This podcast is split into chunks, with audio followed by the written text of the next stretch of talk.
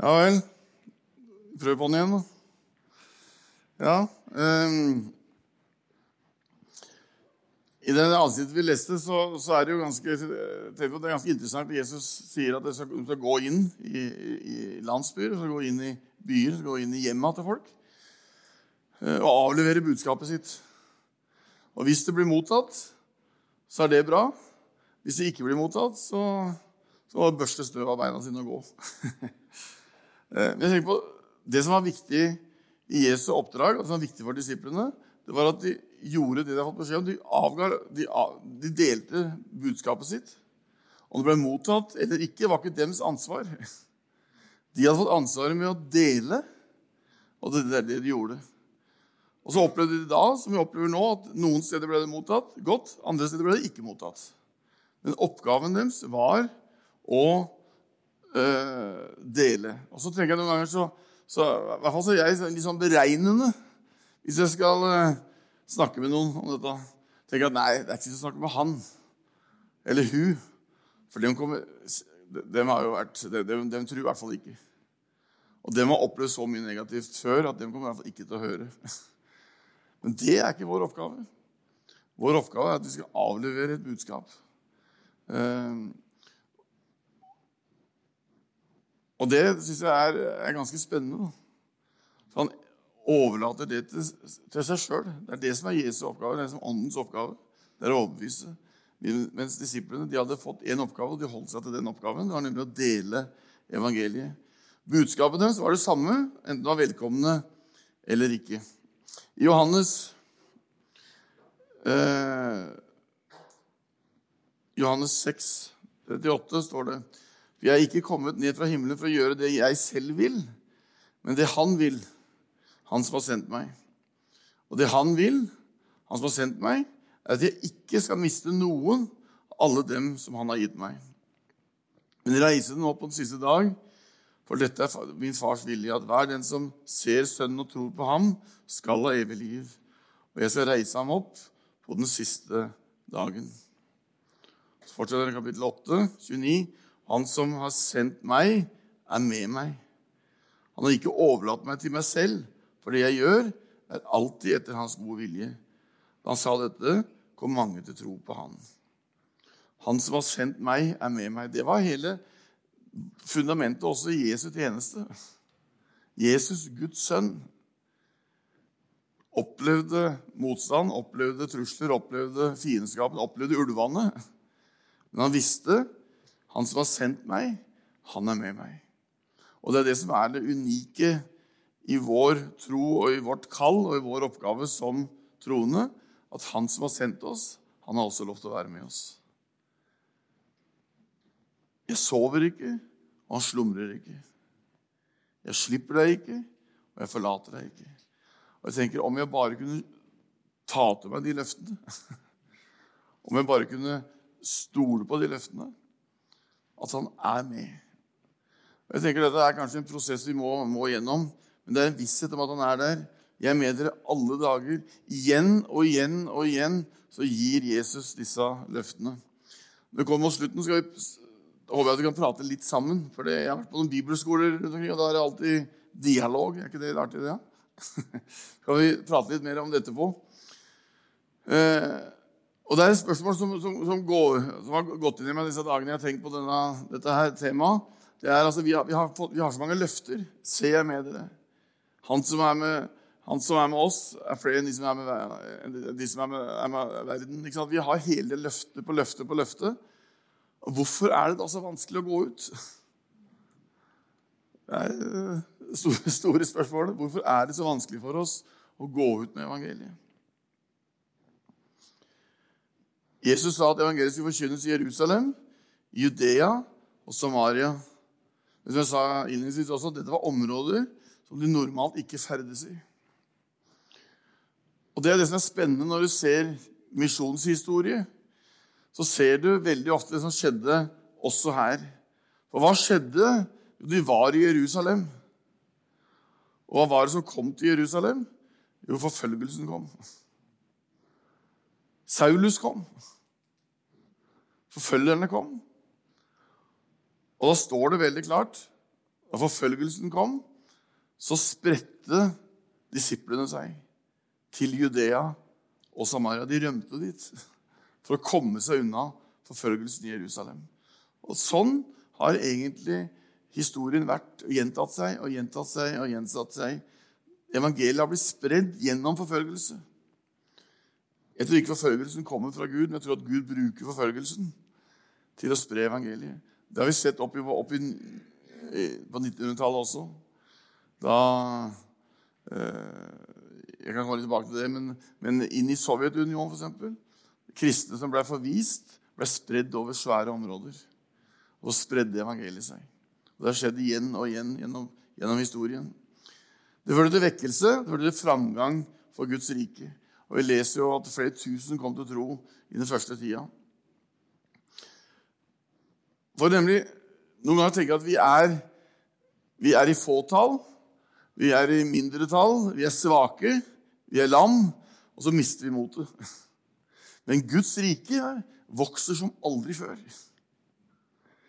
Husk på at selv om, vi, selv om vi føler i vårt land og jeg, jeg, har møtt mange kristne den siste tida som opplever situasjonen i Norge veldig dramatisk. Og folk mister motet. For jeg syns kristne er fullstendig på defensiven, og vi blir hausa med og hersa med og hunsa med. Og det bare øker og det øker og det øker. Det er press fra media. Eh, det, er fra alle bauger og kanter og hold på alle mulige tenkelige måter. Så er det mange som sliter med det. Men Guds rike vokser som aldri før. Fordi det er mennesker som går ut. Det er mennesker som går ut. Fra, 1900, nei, fra 1910 til 2010, altså de 100 åra, så vokste antall kristne fra 600 millioner 1910 til 2,2 milliarder i 20, 2010. Så det er altså en tredobling over det i løpet av det året. Så Guds rike vokser. Guds rike går fram. Og Det anslås at i 2050 så er vi over 3 milliarder kristne. Så Guds rike vokser. Og av en eller annen merkelig grunn så ser vi ikke mye av det i Europa. Men i resten av verden, i Asia, og i Afrika og i Sør-Amerika, så ser vi at Guds rike vokser. Og det har vært en dramatisk endring i vektbalansen mellom syd og nord. For 100 år siden så var, så var 80% av de kristne i verden befant seg i Nord-Europa og Nord-Amerika. I dag er det nede i 40% Det er halvert på 100 år prosentvis. I 1980 var det flere kristne på den sørlige halvkule enn på den nordlige. Da bytta det. Plutselig er det den sydlige halvkule som har flest troende. Og hver fjerde kristen i verden i dag befinner seg i Afrika. Det er ganske interessant. Og vi ser i Norge, jeg har møtt flere, det er afrikanske misjonærer i Norge. Jeg har noen venner som jobber i en stor organisasjon i USA som uh, sender ut misjonærer over hele verden. Nå har de akkurat en familie som venter på visum, misjonærvisum for å reise til Sverige. Amerikanere. Så det, det, sprer seg. Og Asia opplever jo den vekkelsen som er størst i hele verden, i den hele kristne historien. Aldri har så mange mennesker blitt frelst. På hvilken som helst søndag i året du plukker, du vil høre flere kristne samlet til gudstjeneste i Kina enn i hele USA.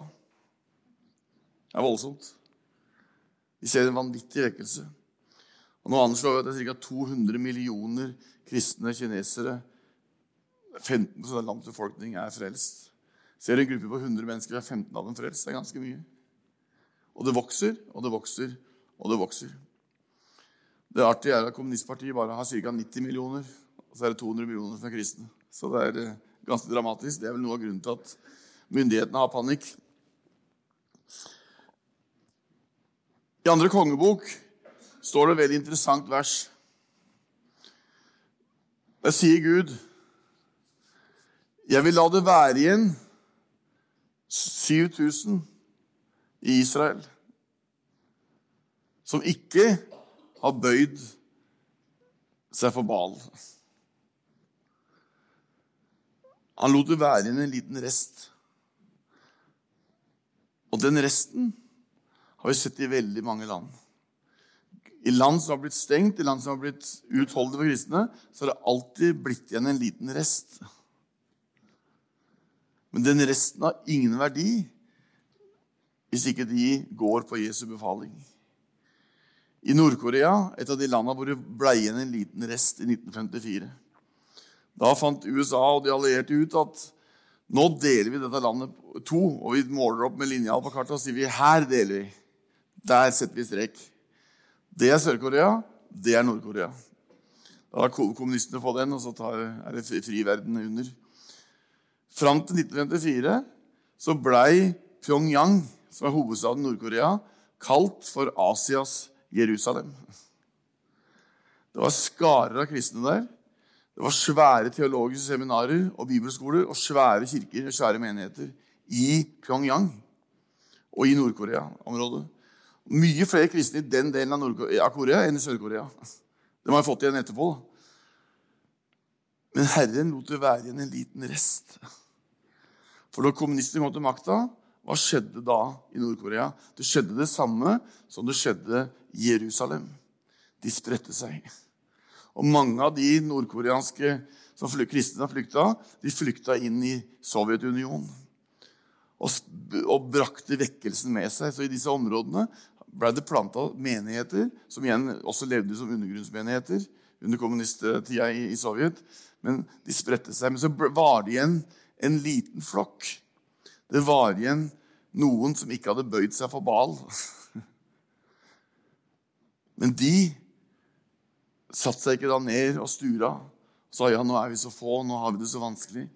Men de, i det ytterste risiko for sitt eget liv, så begynte de å dele evangeliet. En liten flokk. Og I dag anslår vi at det er ca. 400 000 kristne nordkoreanere. Mens 10% av dem sitter i fangeleirer og kommer antakeligvis aldri ut igjen. Men de deler evangeliet. Mange av dem flykter inn til Kina. Der er det kristne som tar seg av dem. Mange kristne tar seg av dem. Eh, prøver å berge dem. For mange som flykter fra Nord-Korea inn i Kina, de blir, de blir tatt til fange og så blir de solgt eh, til bønder. Som, damene blir som, solgt som hustruer og mennene som slaver. Men de kristne tar seg av dem. Og så ser vi gang etter gang får vitnesbyrd fra våre venner som jobber med dette her, at etter at de har fått mat, etter at de har fått stell, etter at de har kommet til krefter igjen, så begynner de å dele evangeliet med dem. Og så er reaksjonen 'Jeg må inn igjen'. Jeg må tilbake igjen. For dette må også min familie få høre. Det er mennesker som har levd som kristne i kort, kort tid, men som opplever at 'ser jeg med dere alle dager'. Som risikerer livet for å reise inn igjen. Jeg vil ha 7000 bli tilbake i Israel. Og så har vi sett hvordan evangelisk kraft Vi har trykt i Japan 250 000 Nytestamenter for Nord-Korea. har trykt flere titusener av bibler. Vi har trykt mangabøker. Vi har fått være med prosjektet med ballonger over Nord-Korea. Det er spennende. Det er mørkt, og det er pålandsvind, så står de på grenseområdene for Sør-Korea og sender ballonger med Noen har vi er det trygt evangeliet på. Romerbrevet om Markus-evangeliet er trygt på. Men det er også store ballonger hvor et helt Nytestament blir putta inn i ballongen, blåst opp med helium og så sendt inn over Nord-Korea av mennesker som har tro på at Guds ord ikke vender tomt tilbake. Hvorfor det? For det er ordet som frelser. Det er ordet som løser. Det er ordet som, som, som frelser. Derfor skal vi være frimodige med Guds ord. Så skal vi dele Guds ord. Oppleve stadig vekst, opplever framgang. Så er det rart i vår del av verden da,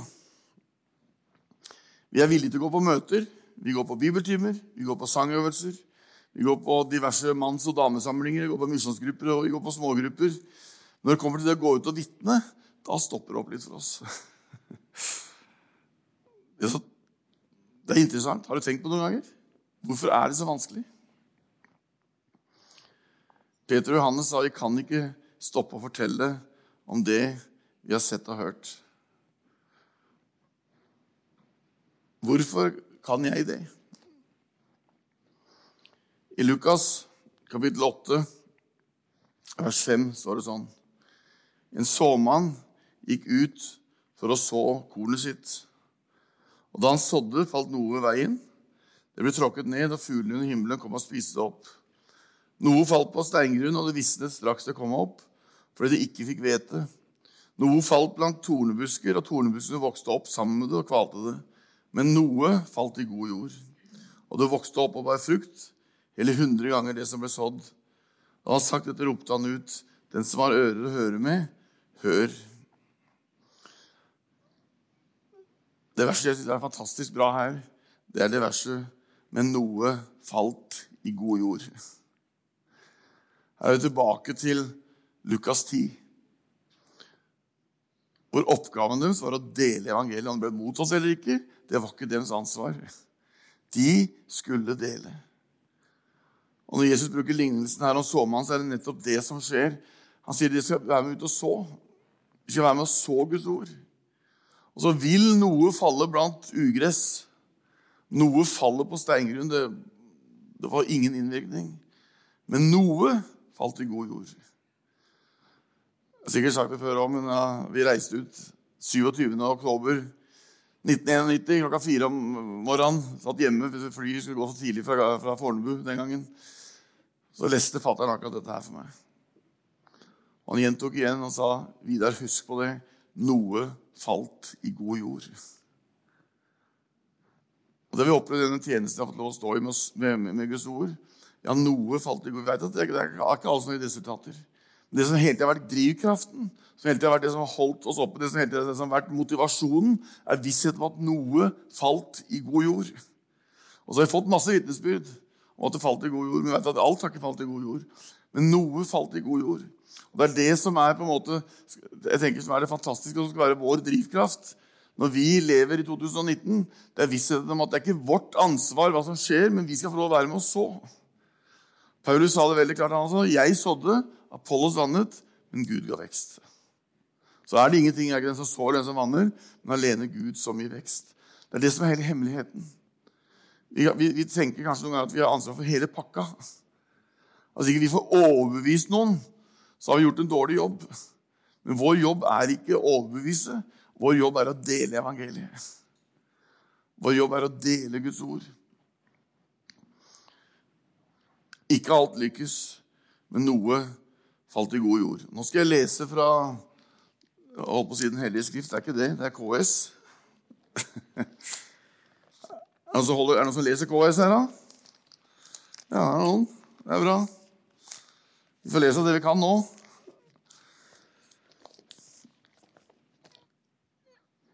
Er det greit at jeg leser den artikkelen? Det er seg sånn det samme. Den norske turistforening har i en del år arrangert Kom deg ut-dagen. De oppfordrer folk til å komme seg ut av sofakroken og ta seg en tur ut i naturen. 1.9. deltok over 60 000 mennesker fra hele landet på Kom deg ut-dagen. Så kommer noen sannhetens ord. Jeg skal på ingen måte påstå jeg er naturens mann, som bruker naturen og den skatter så fort anledningen byr seg. Men de få gangene jeg klarer å komme over Dørslagmila, komme meg ut i skogen, oppleves det helt fantastisk, både underveis og ikke minst etterpå. Jeg er enig i det. En del mennesker er vel det vi kaller stuegriser, som trives best i sofakroken. Apropos sofakrok. Vi hadde nylig kommune- og fylkesvalg her i landet, og da valgte 35% av de stemmeberettigede å bli sittende i sofaen i stedet for å gå ut og bruke stemmeretten sin. Og Tanken på disse to nevnte dagene har surra i hodet mitt.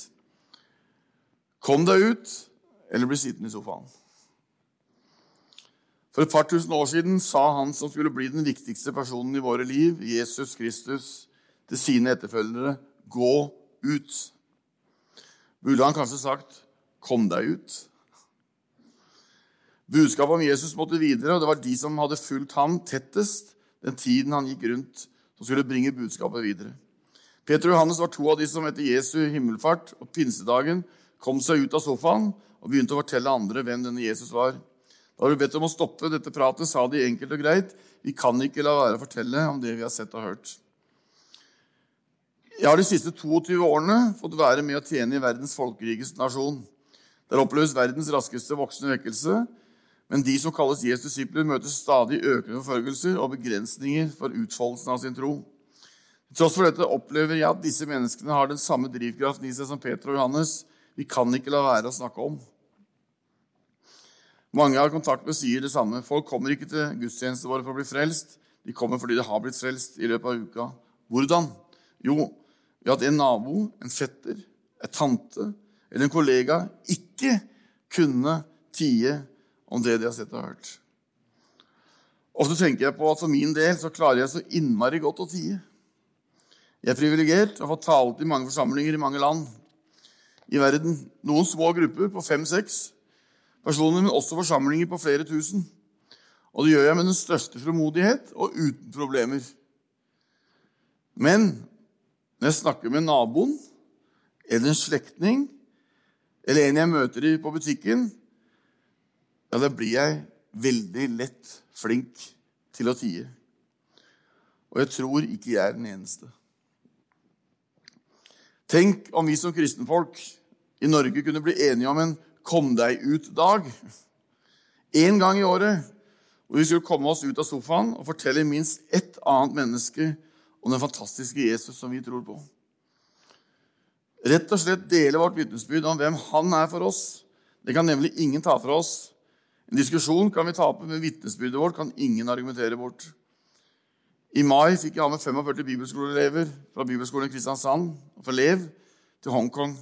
Søndagen dro vi til bydelen Central. Der samles hver søndag tusenvis av filippinske og indonesiske kvinner på tepper og matter for å spise lunsj sammen og nyte ukens eneste fridag. Resten av uka er de hushjelper i kinesiske hjem. Etter kort opplæring satte elevene flokken i gang. De satte seg ned med disse jentene og delte evangeliet som de aldri skulle gjort annet. For noen av dette første gang de delte evangeliet med en ikke-kristen. Den gode følelsen etterpå var mange ganger sterkere enn følelsen etter en fin tur i naturen. Og kanskje viktigst, de fikk oppleve det Jesus lovet oss. Dere skal få kraft i Den hellige ånd kommer over dere, og dere skal være mine vitner. Det var fantastisk. Han gir oss kraften, så vi slipper å stresse i egen styrke. Så avslutter det litt elegant. Hurra for kom deg ut-dagen. Og det å se de unge elevene, det var intet mindre enn fantastisk. Det sitter tusenvis av jenter og spiser. Og så hadde de en liten kort opplæring i hvordan man skulle dele evangeliet. Fikk noen traktater og noen eh, Johannes-evangelier, og så gikk de på. Og når de kom tilbake, så var det litt sånn som disse disiplene kom tilbake til Jesus. Det var helt fantastisk. Eh, og jeg unner alle å oppleve den muligheten. For Jesus så var ikke det, han var ganske klar på det var ikke det, det store var ikke at ånder og makter var lydige mot dem.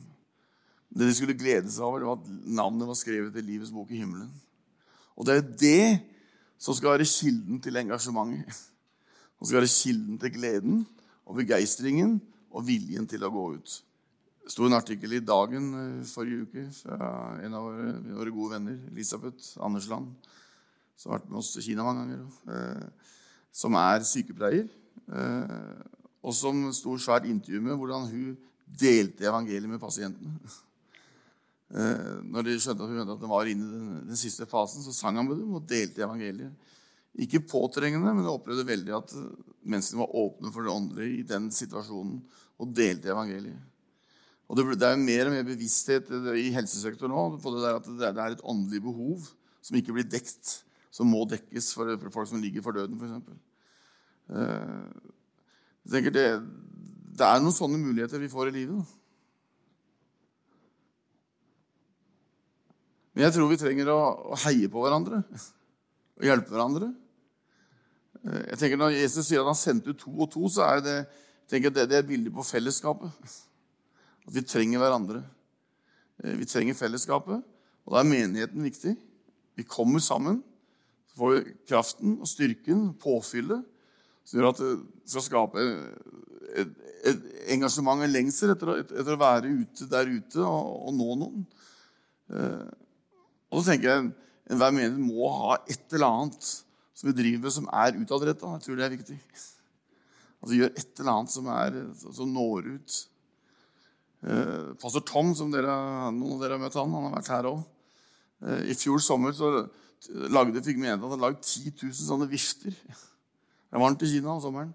Med evangeliet helt forklart. ene sida full av bibelvers, andre sida med skikkelig forklaring på frelsens vei. Eh, bruker du alle mulighetene? tenker jeg, det, det, er, en sånn enkel mulighet. Og de gikk ut i parkene, folk i menigheten. Satte seg ned, folk satt og spurte har lyst til å være vifte. Og det er sånn smaksprøve på mening. Alle har lyst på det. I Kina alle vil ha vifte. Og satte seg så gikk de gjennom hele lista med den eneste en delte ut til. Så I løpet av sommeren, så juli og august, så ble 500 mennesker frelst gjennom den og plassert inn i menigheter. Det er ganske, ganske bra. Og så tenker jeg vi trenger å få fornya troen på, på, Guds ord. At Guds ord faktisk er levende, og at det er virksomt. Og at et ord kan, kan blomstre. Eh, jeg har sett det. At et ord som er planta, kan ligge der og ulme. Plutselig slår det ut. Jeg har en eh, Jeg har fortalt det, har jeg fortalt det? Onkel Erik her? Nei, jeg vet ikke. Jeg hadde en, min siste onkel. Han døde i fjor sommer. Uh, han, like min, min, far ble plassert på barnehjem da mora døde. Han var syv år, onkelen min. Og I løpet av de åra fram fram til han døde 93 år, fram til rett før det, så hadde han ikke hatt noen ting med kristendommen å gjøre. Ingenting. Ikke vært på et møte. Aldri vært på gudstjeneste. Jeg har sikkert vært i, sikkert vært i en eller annen barnedåp med barnebarn, kanskje. Eh, ikke noe forhold til Gud. Så var jeg nede hos ham på 90-årsdagen. Eller rett etter han fylte 90. Og så hadde jeg med bilde som jeg hadde funnet av fatter'n døde, av mora deres. Og Jeg lagde en forstørrelse til det, og det ble veldig sterkt for. Han hadde ikke sett mora si. Han huska jo ikke mora si, for han var syv år sist han så henne. Og Det var en veldig sterk opplevelse. for Det kom masse fra barndommen opp igjen. veldig opp igjen. Og Så sa jeg til en, en ting. Jeg siterte et ord som mora hans hadde gitt til pappa rett fra døde. for Han var og besøkte ham rett fra døde. tuberkulosehjem. Eh, og så sa det siste han sa etter bibelverset, så var Da ser jeg dere i himmelen, gutta mine. Og det så jeg gjorde et voldsomt inntrykk på han. Eh, og så gikk det en tid, og så ringte han meg og sa Vidar, kan du komme ned til meg igjen. Han bor, bodde utafor København. Ja, så er det for noe. Jeg har hatt noen rare drømmer, sånn. Og så er det for noe. Jeg har sett Jesus. Det har jeg aldri gjort før. Og så dro jeg ned med og prata. Vi, kom ikke, kom ikke egentlig men jeg fikk dele noen bibelvers med ham. Så I fjor sommer fikk jeg telefon fra barnebarnet hans. som så sto sammen med fetterne mine der og sa Vidar, kan du komme ned Far er syk. Han ligger helt på siste. Vi får nesten ikke kontakt med ham. Når han ligger i halvannet døgn og ropt på deg. Han roper bare på Vidar. Uansett hva jeg spør ham, så roper han Vidar. Og så Jeg kom en gang, så fløy jeg ned. Tok toget ut til der jeg bodde. Og kom inn, der lå han, Jeg hadde ikke hatt kontakt med han flere timer når jeg var hos han. Gikk jeg etter, tok jeg handa hans, og så sa jeg, 'Onkel Erik, nå er jeg her.' Og Så så jeg plutselig at øya begynte å bevege seg under øyelokka. Så slo han opp øya, og så greip han tak i han og sa 'Endelig, du må be Jesus om å hjelpe meg.' Og så fikk jeg be frelsesbønn med 93 år gammel mann. Og mora 86 år før har sagt, 'Jeg ser dere i himmelen'. Tenker jeg altså få så inn et Guds ord. Han levde et helt liv uten Gud, men han fikk lov å oppleve nåden. Og Det siste jeg hørte han si når jeg gikk ut, jeg gikk, eh, tok avskjed med ham han døde en dag etterpå. og Jeg gikk ut i gangen. Det siste jeg hørte inne på rommet hans, var han si 'prise Gud'. Han har aldri sagt noe sånt. Jeg tenker Det er et eksempel at ordet er levende. Og Det er ikke alltid det skal så mye til. Og Det var ikke alltid så lett å kunne, men altså, jeg fikk lov å dele noen bibelvers. Og så vet jeg at Guds ord det er levende. Jeg tenker Der har vi en fantastisk mulighet. Det kan være en bursdag hvor vi har et kort med bibelvers på. Kanskje de ikke blir lest der og da, kanskje de leser litt når vi har gått hjem. Men ordet er levende. Det er det som er det unike med Guds ord. da. I forhold til alle andre dikt så er Guds ord levende, så har Den hellige ånd noe å jobbe med. Jeg leste i verset som gjelder med vinteren fra Sri Lanka, når vi kom ut der jeg ble sjuk. Det var verset jeg ikke husker jeg hadde lest. Sånn er det veldig mye av det jeg har lest. Jeg husker jo ikke. Men, men da har Den hellige ånd noe å jobbe med, så kommer det i sitt tid, for Guds ord er levende. Er jeg på overtid nå? Ja. Da stopper vi der. Eh, skal vi be sammen litt? Grann? Takk, Jesus, at eh, du kjenner oss. Takk at du ikke bare kjenner oss, men til tross for at du kjenner oss, elsker du oss med en evig kjærlighet. Takker deg for din omsorg. Takker deg for din nåde. Og så ser du det vi har snakka om nå i kveld. Herre, vi ønsker oss inderlig å dele evangeliet. Og så ser du hvordan vi sliter med å få det til. Herre, vi ønsker ikke å lage noen oppskrifter, men vi ønsker å lytte til din stemme. Så ber vi om at i hverdagen at vi er lydhøre for din stemme når du leder oss. Takk at det står om de ferdiglagte gjerningene. Men her ofte i hverdagens støy og kav og, stress og Verken ser vi trinna dine eller hører røsten din, men hjelp oss til å være lydhøre. Hjelp oss til å se de mulighetene du legger foran oss, og vi kan få lov å peke på deg. Vi ønsker virkelig at flere skal få lov å oppleve deg og bli med på veien til himmelen. Takk at du ønsker ikke at dette skal føre til at vi føler dårlig samvittighet og føler oss underdanige og små. Du ønsker å tenne en begeistring i oss og hvem du er. Hjelp oss ikke å se på oss sjøl, men se på deg også når vi føler at vi føler oss feige og utilstrekkelige. At vi da også kan få lov å se på deg og at det vil skape en begeistring i oss. Gi oss nåde, Jesus. Det ber vi om i Jesu navn. Amen.